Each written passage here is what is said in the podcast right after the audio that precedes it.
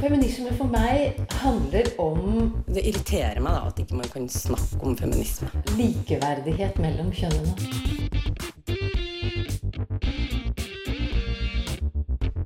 Det blikket på kvinnen på film. Det handlet om å bli tatt på alvor som jente. Du hører på Et eget rom på Radio Nova. kan kan man være kvinne og antifeminist? Og hvordan henger antifeminisme og høyreradikalisme sammen? Og hvordan står det egentlig til med antifeminisme i den amerikanske valgkampen?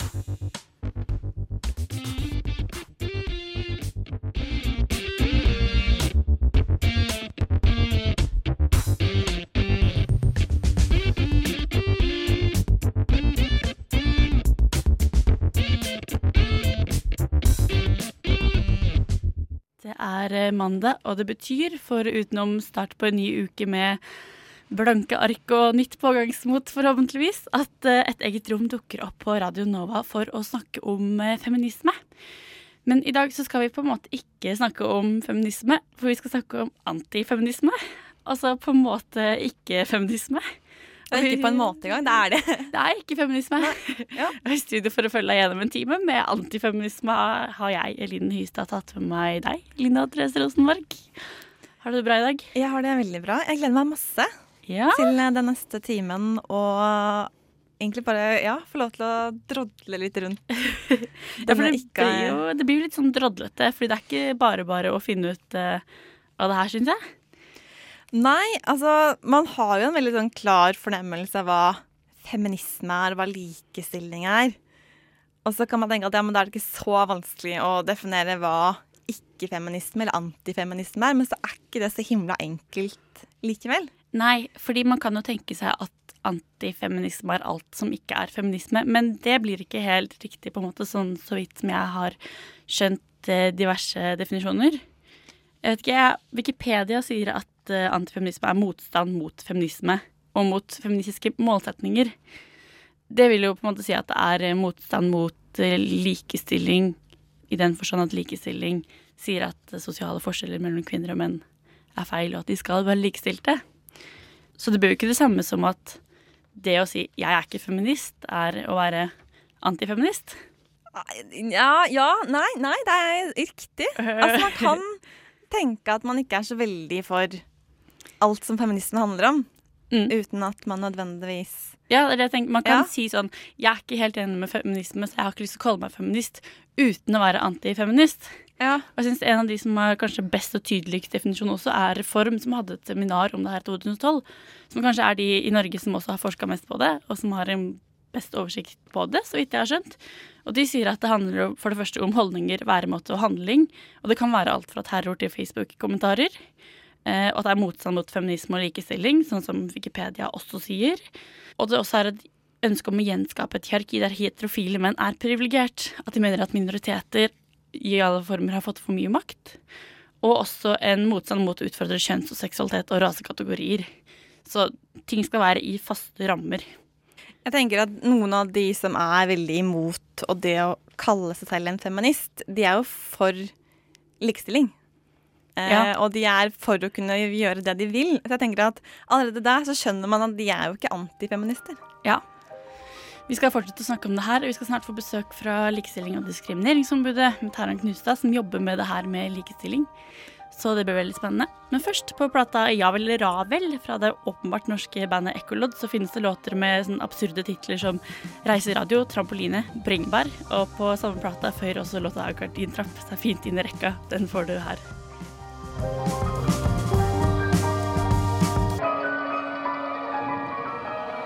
Det høres kanskje litt rart og uekte ut, men du hørte altså bandet Ekkolodd der med låta 'Gardintrapp'. Vi har fått besøk her i studio fra Taran Knustad. Velkommen hit. Du jobber i Likestilling- og diskrimineringsombudet. Ja.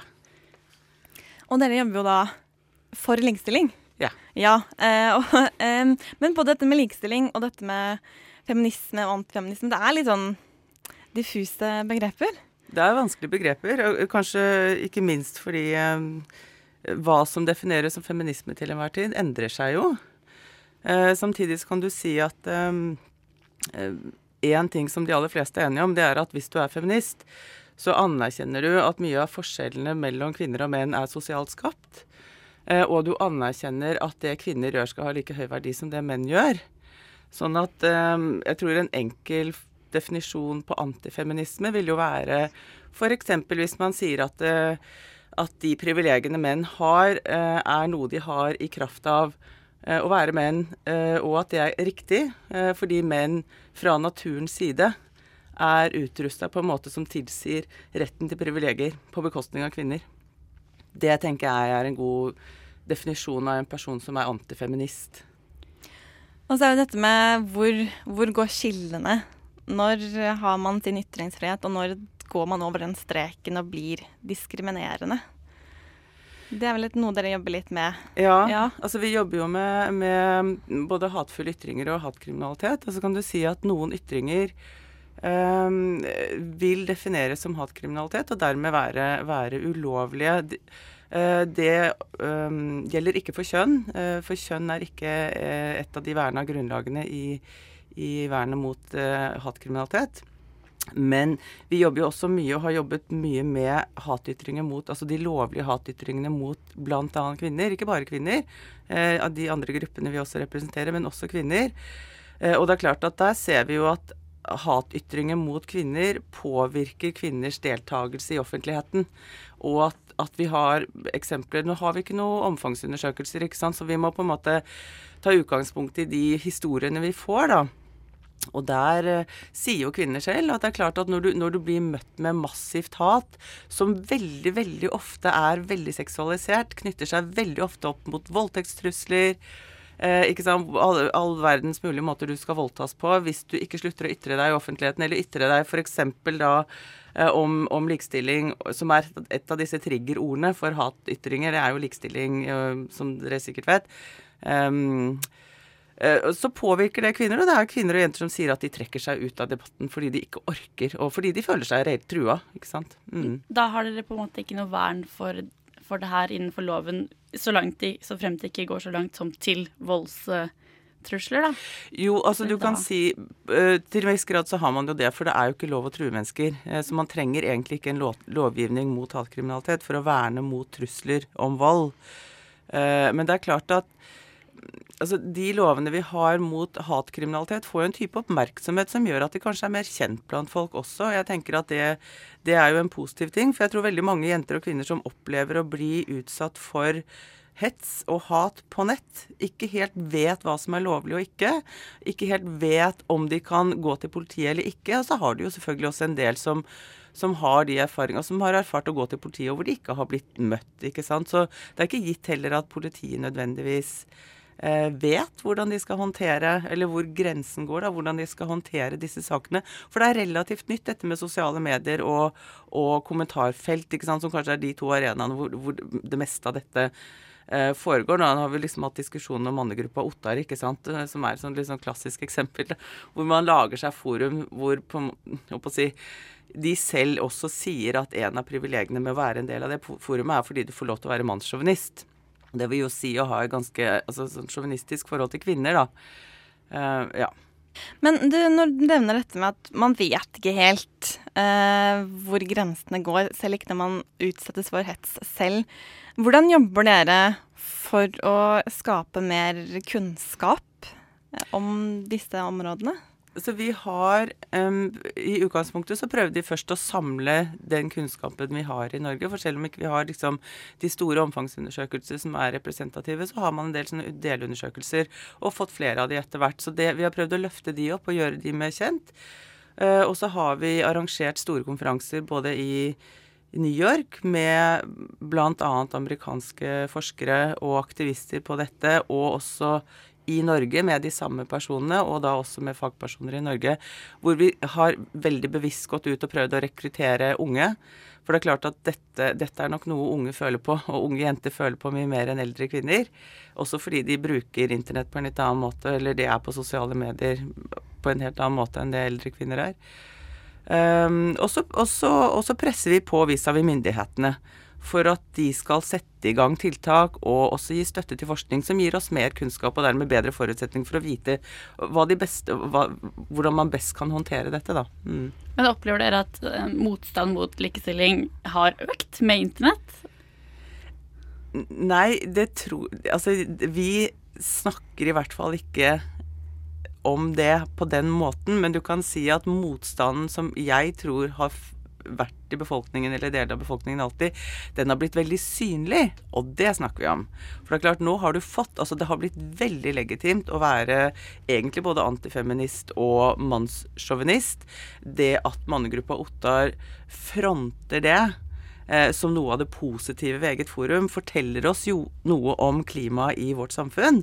Det er blitt veldig legitimt eh, å ønske å være mannssjåvinist. Dvs. Si, å si, forholde seg til kvinner som noe mindre verdt enn deg selv som mann.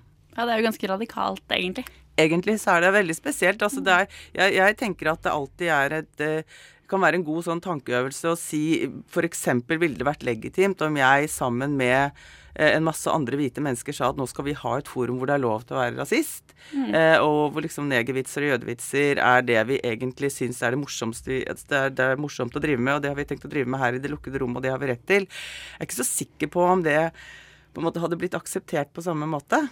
Vi skal fortsette å ha deg på besøk, Taran. Men eh, først skal du få debutsingelen til artisten Tilla. 'Falling' heter den.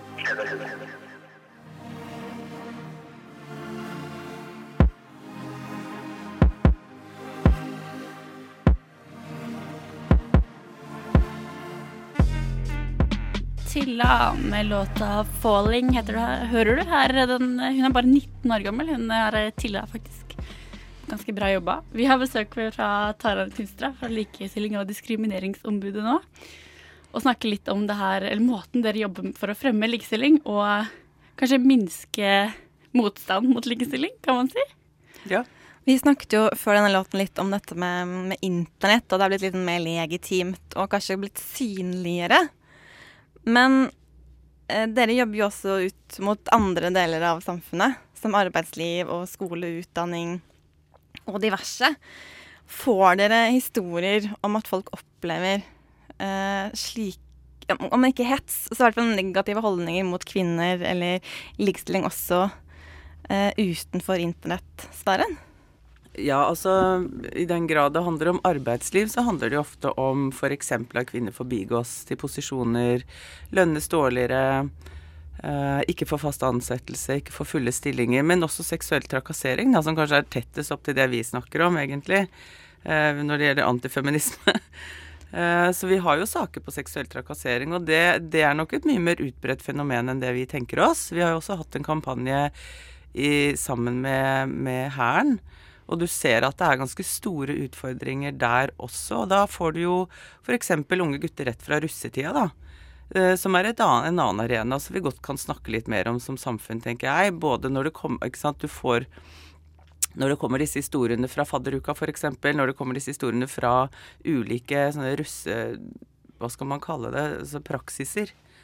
Eh, så tenker jeg at det kan samfunnet godt snakke litt mer om, fordi det er jo symptomatisk for noe. Eh, og det vi i hvert fall ikke skal gjøre, det er å bare si at jo, men, jo, men eh, det er bare fordi de er russ at de gjør det, eller det er liksom bare gøy i fadderuka, det er bare derfor de gjør det. Fordi det vi ser, er at de gjør akkurat det samme.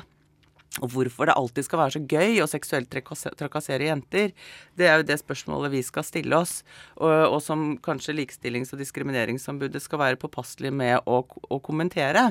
Når vi ser at de samme handlingene som oppleves som krenkende og nedverdigende av jenter og kvinner, eh, foregår på ulike arenaer, og kanskje særlig når det er satt i system, sånn som i fadderuka og i en del settinger med russen, ikke sant, med russesanger osv., eh, så, så, så må vi på en måte stoppe opp og, og diskutere dette.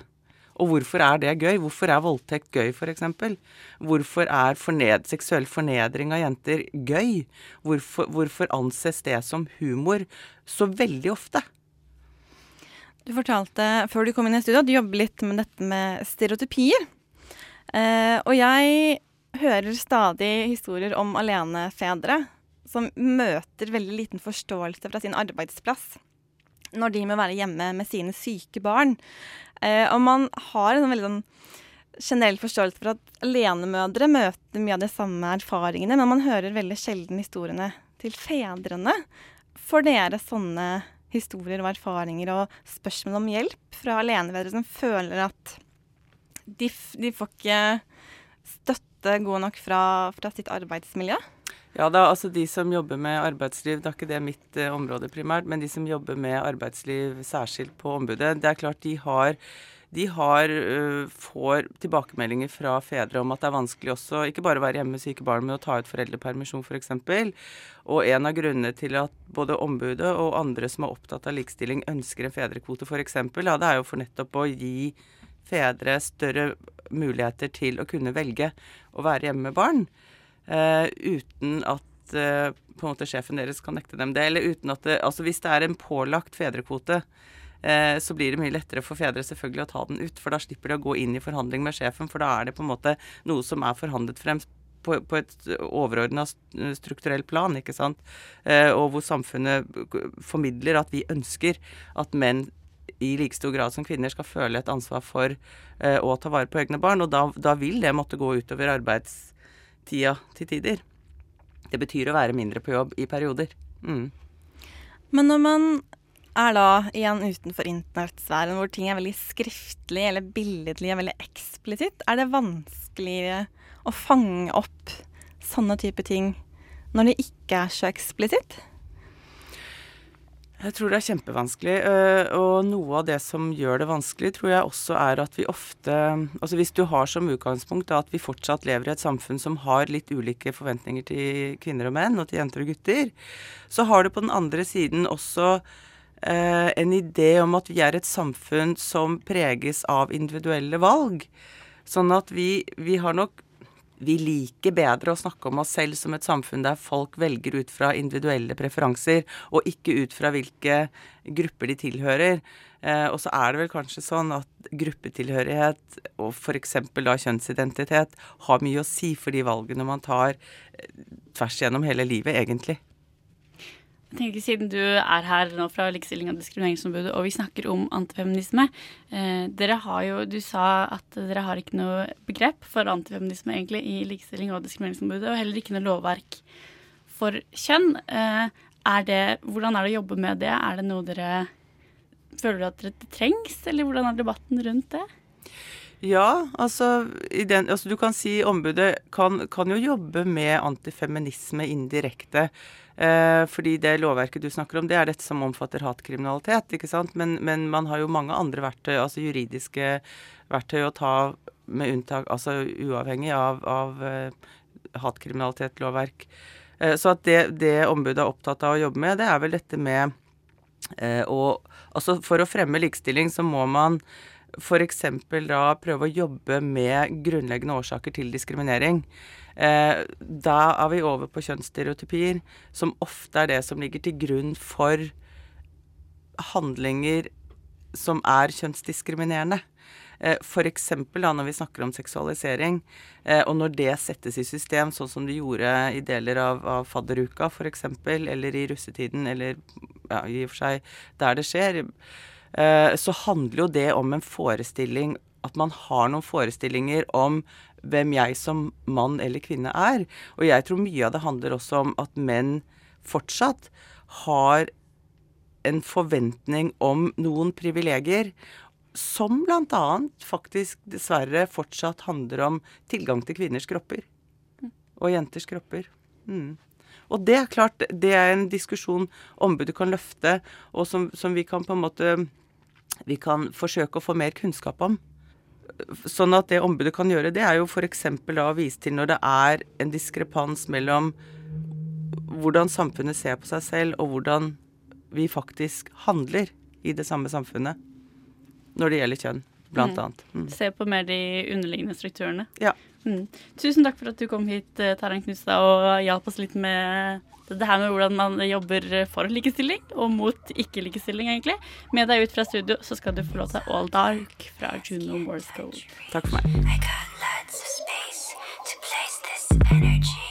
Space and place, space and place, space and place, space and place. I think Uh, anyone who's not a feminist is is an insane person. Is an insane person. Is an insane person. Is an insane person. Du hører på Et eget rom.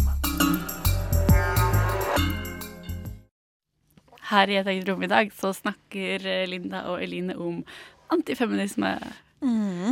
Og det som er litt overraskende, syns jeg, egentlig er jo at det faktisk finnes damer som er antifeminister også. Ja, jeg fant en kommentar av Jessica Valenti i The Guardian. Eh, Eller hun kommenterer der. Og hun, det er noen år siden så skrev hun For da var det en sånn greie som het Women Against Feminism, som hun blant annet eh, skrev litt om.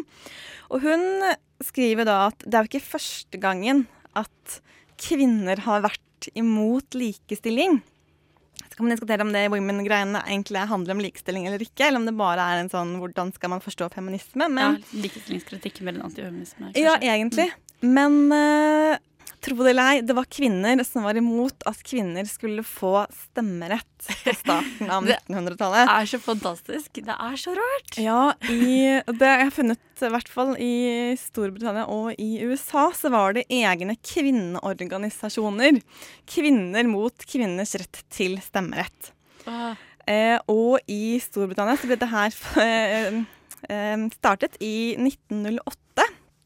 Og de hadde da på sitt høyeste 42 000 medlemmer. Og de klarte å samle inn 337 018 stemmer fra kvinner som var enig i at kvinner ikke burde få allmenn stemmerett. Jeg skjønner, ikke, jeg skjønner ikke hva som er ideen bak det. Er det Nei, sånn altså det var Vi vil ikke stemme! Slutt å prøve å tvinge oss til å stemme! Liksom. Det Nei, det altså det handler litt om disse rollene. For Ja, okay. de mente det at kvinner og menn de er forskjellige. Og hvorfor skal man begynne å gjøre om på det? Så det er sånn, Jeg anerkjenner at jeg ikke er smart nok til dette her. Dette Ja. mennene. Um, men det som er, det, de var for at kvinner kunne delta i det lokalpolitiske, men det var den nasjonale politikken og det britiske parlamentet. Der hadde ikke kvinner noe å gjøre. Fordi at politikk og den politiske sfæren, den tilhørte menn. Eh, og de områdene som den nasjonale politikken handlet om, det var områder hvor kvinner hadde omtrent null erfaring. Til forskjell fra det mer lokalpolitiske. Så hvorfor skulle da kvinner bry seg om et tema som de ikke hadde kunnskap om? Nei, ikke sant. Eh, og så mente de at kvinner allerede hadde mulighet til å få publisert, publisert sine meninger. Eh, og at de ble hørt fordi de ikke hadde stemmerett. Eh, så hvorfor skal de da ødelegge det? Ah, Det er så nydelig. Vi må huske litt på det. Vi skal snakke mer om det her. Først så skal du få Diners med 15 on a skateboard. Diners med 15 on the skateboard. Det er sånn skikkelig fin eh, altså man, man kan jo sikkert se det her for seg veldig godt hvis man var 15 og skata veldig mye. For det er så fin bruk av lyd, som vi sier her i radio, også, med både vind og skateboard, og det er helt eh, supert. Se for meg en jente i glitter og med vind i håret som bare suser nedover. Ja, åh, jeg syns ikke jeg var så kul. At jeg kunne skate, men det kan jeg ikke. Ikke jeg. Du, Linda. Eh, antifeminisme har jeg inntrykk av at fått ganske mye en slags eh, mye fokus i Norge etter 22. juli spesielt. Ja, det ble nok en slags renessanse etter akkurat det, av dette manifestet som ble skrevet, og som skulle liksom forklare hvorfor en mann skulle slippe en bombe og gå rundt og skyte uskyldige unge mennesker. Men ja, eh, så det henger eh, Dette med liksom motstand mot likestilling, det henger jo sammen med disse ekstremistiske tankene. Og ja, det er vel kanskje ikke så nytt, men jeg har prøvd å sette meg litt inn i hva er det egentlig Breivik mente, eller mener, i sitt ekstreme ja, hva si, tankeunivers. Ja. Rasistiske ideologier er nesten alltid kvinnefiendtlige og antifeministiske. Skal vi tro den britiske filosofen Jane Jones. Hun er en av flere forskere som har studert manifestet til Anders Breivik. Jones mener ikke bare var en forakt for innvandrere og innvandringsvennlige politikere som lå til grunn for terrorhandlingene i juli 2011, men også en forakt for kvinner. At radikaliserte muslimer ikke kjemper for et likestilt samfunn, overrasker nok ingen. Men antifeministiske tanker er også til stede i høyreradikale grupper. Og blant de mest ekstreme, og den som i størst grad har satt kvinnehatet i system, er Breivik.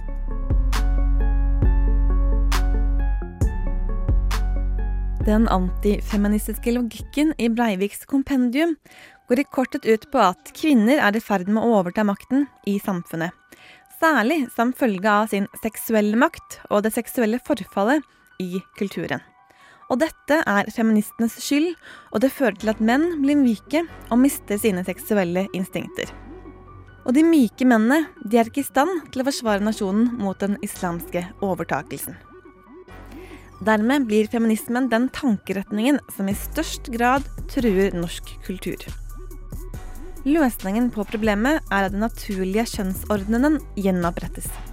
Kvinner som husmødre, menn i maktposisjoner og en streng reproduksjon av hvite barn.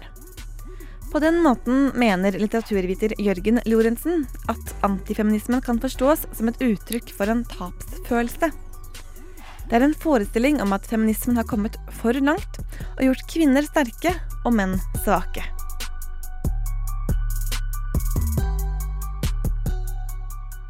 Men hvis antifeminismen i den mest ekstreme høyreekstremismen handler om at menn mister makt og blir stående maktesløse, hvordan henger det sammen med forakten for det muslimske?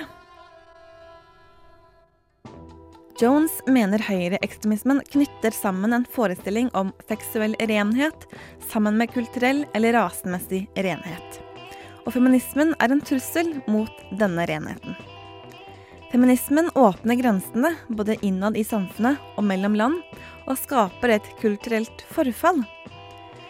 Feminismen har gjort kvinner til seksuelt frigjorte vesener, og kvinner som ligger med flere, deriblant med fargede menn, har i liten grad moral. Og er man uten moral, er man også en trussel mot samfunnet. Breivik mener kvinner fra naturens side er mer omsorgsfulle, noe som kan være farlig. Fordi de kan også være omsorgsfulle mot fremmede, de som ikke fortjener det. Når kvinner på den måten åpner opp for et multikulturelt mangfold, åpner de også døren for den muslimske trusselen. Feminismens åpenhet mot det kulturelle mangfoldet blir derfor en trussel, fordi det er kvinnen som skal kunne garantere for nasjonens renhet gjennom å føre videre den hvite rasen. Derfor må menn være ekte menn. De må slåss for sin egen seksualitet med det maskuline som ideal, mens kvinners utdannelse bør begrenses slik at kvinner kan bruke mer tid i hjemmet. Wherever you go and whatever you do, let a woman be a woman and a man be a man.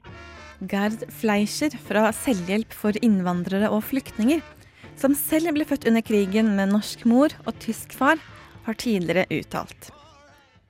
På samme måte som våre mødre ble beskyldt for landssvik fordi de gikk til sengs med fienden, sier Breivik det samme. Det handler om kontroll av kvinnens seksualitet. Det viser at vi ikke har kommet særlig langt siden 1945. Linda Therese Rosenberg, som også er her min respektive side i studio, hørte det her om antifeminisme og høyre radikale. Vi skal fortsette å se nærmere på antifeminisme her i et eget rom, men først så skal du få Airpop and Pinky Rose med låta Say It Ain't So.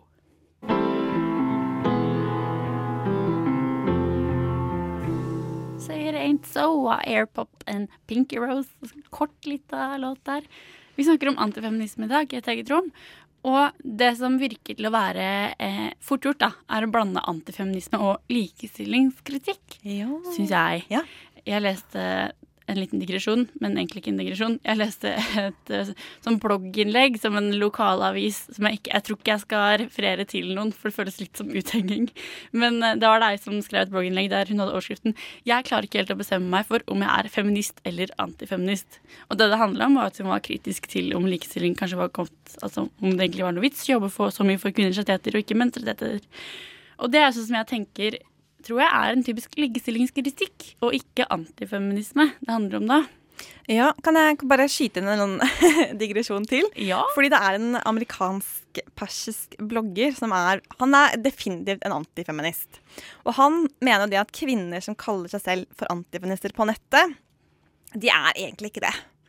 Fordi han mener at hvis du stiller dem de rette spørsmålene, som han Ja. mener er liksom de riktige meningene til en antifeminist, Mm. så er de stort sett uenige. Ja. Ja. For da er det det her med at de mener ikke at menn skal være høyest oppe, men det mener jo antifeminister. Ja. Eh, i, sammen, I sammenheng med at Reform lanserte denne rapporten om antifeminisme og høyreekstremisme i 2013, så skrev ei som jobba for Reform da, som heter Lina Tordsson, en kronikk om akkurat det her i NRK Ytring, eh, med overskrifta altså med det her om eh, antifeminisme og likestillingskritikk. Og hun mener at, sånn som vi har vært innom når vi definerer antifeminisme, at antifeminisme bør være forbeholdt politiske ekstremister, sånn som i høyreekstreme tilfeller, som du snakket om i stad. Eh, og de er type men's right activist, sånn som bloggeren Eivind Berge, hvert fall, som i Norge har vært veldig stor, som mener at de mener jo at kvinner f.eks. bør fratas kontroll over egen kropp, da. Og at voldtektsstraffelover er feil. Altså det er jo ganske ekstremt. Og også menn som trakasserer og sjikanerer uten grunn med trusler i kommentarfelt. Sånn skikkelig ille. Men det vi må være forsiktige med, da, sier hun Tordsson, det er å kategorisere likestilling fra et mannlig perspektiv som antifeminisme. Fordi da risikerer vi jo bare både å innsnevre feminismen som begrep, at det bare handler om damer, og det er dumt. Og også en sånn polarisering. altså Da kommer vi ikke noe vei, fordi vi blir bare to motstandere som kjemper mot hverandre. Det er vel en vesentlig del av feminismen, egentlig. Det er nok mange menn som føler at feminister glemmer litt dem oppi hele den debatten. Og så er det mange kvinner som mener at feminisme handler kun om selvhevding. Derfor så klarer jeg ikke helt å kalle meg feminist, fordi jeg mener jo ikke at det skal være likestilling, men det skal ikke bare være likestilling for kvinner.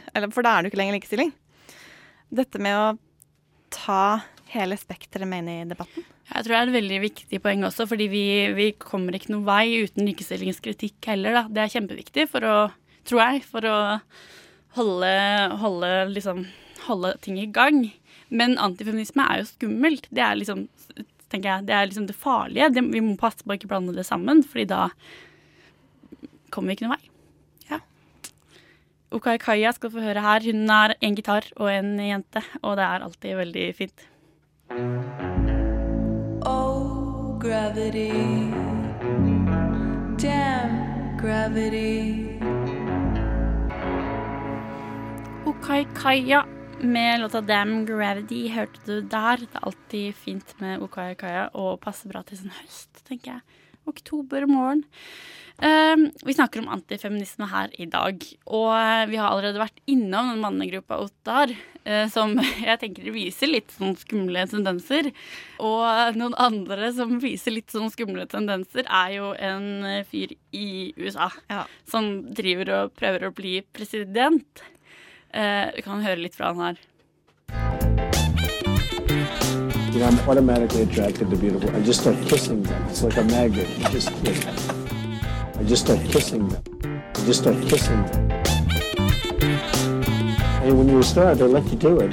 You can do anything. Whatever you want. Grab them by the pussy. Oh, nice legs, huh?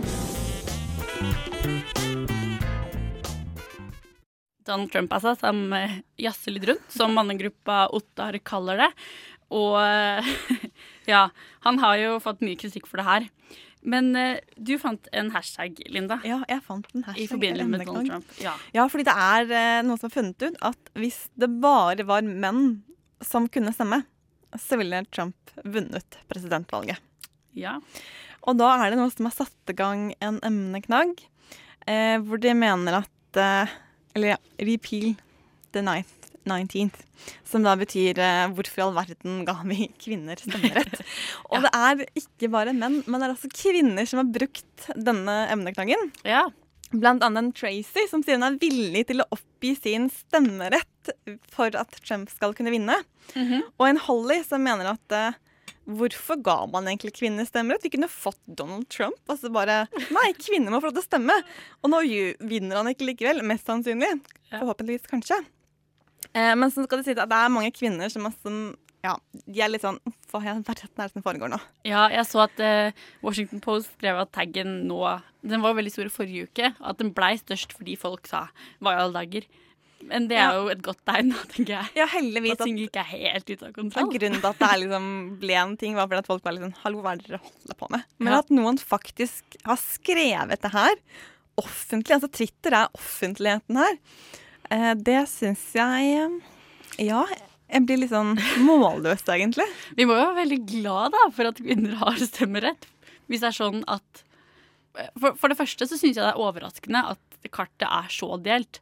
Sånn som grafene viser, at faktisk hvis ingen kvinner hadde stemmerett, så hadde Donald Trump vunnet. Det er jo faktisk sjukt. Og for det andre så tenker jeg at da må jeg være veldig glad for at kvinner har stemmerett. Ja, det tror jeg veldig mange tenker, egentlig. Ja. Um, men vi snakket jo om, før sendingen startet, dette med at han sier jo ganske mange fæle ting. Mm. Men det er dette som handler om kvinner som får veldig mye oppmerksomhet. Ja, jeg synes det er jo ganske interessant det her med alle de tingene han sier som er kjemperasistiske. Uten tvil. Jeg tror ikke mange vil være uenige om det, egentlig. Um, men det er jo først nå det har tatt av, egentlig, med den her locker room-talken hans fra bussen. Og han er, jo, han er jo selvfølgelig kjip, da. Han er jo ikke noe kul fyr i det hele tatt. Men eh, det er litt overraskende. Det er ganske mange som har gått ut og sagt at jeg har møtt denne mannen, og han var ikke så veldig hyggelig. Ja. Eh, så, ja. Sorry, Trump. Du må kanskje skjerpe deg litt, da. Ja. Jeg tror ikke det er så mange som har sagt at han er veldig hyggelig. Det har jeg ikke, det har jeg ikke hørt så mye av. Nei. Mest døtrene og, og kona hans, føler jeg. Men det er litt vanskelig å si her i Norge, da, hvor mye vi egentlig får med oss. Vi skal snakke mer om den amerikanske valgkampen videre, vi egentlig ikke i dag, men seinere, når vi nærmer oss. For vi, er vi syns det er kjempespennende. Her er et eget rom med amerikansk valgkamp og Clinton og Trump og hele pakka. Men det blir en annen dag, faktisk. Nå skal du få Black Connie med 'Hello Today'.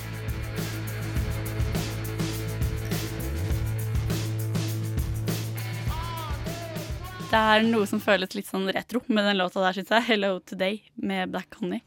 Vi er ferdig her for i dag. Vi skal bevege oss ut av studio. De du har hørt fra studio, er Linda Therese Rosenberg og Eline Hystad. Og så har du litt sånn indirekte også hørt Helje Svensson på teknikk. Ganske mye, egentlig. Neste sending så skal Da- vi snakke om FN! Det er Ja! FN-dagen neste mandag. Det er FN-dagen. Og FN har jobbet masse eh, for å fremme likestilling. Ja. Og jobbet mye med kvinnesak i flere tiår. Mm. Det blir skikkelig gøy. Jeg tror ikke jeg har markert FN-dagen siden jeg gikk på barneskolen. Der har vi faktisk Ja. markert FN-dagen ganske godt. Jeg tror vi gjorde det på ungdomsskolen, men ikke Ja. siden da. Nei. Og det er litt synd. Ja. For FN-dagen er jo egentlig en litt sånn viktig dag. Og det er gøy med alle mulige merkedager, syns jeg. Så jeg håper det blir litt sånn hurra for FN-stemning, og det blir spennende å høre alt det de har gjort. Til slutt her så skal du få litt sånn glad diskofunk. Passer bra til mandagsmorgen. Ferns med 'Forever Yours'.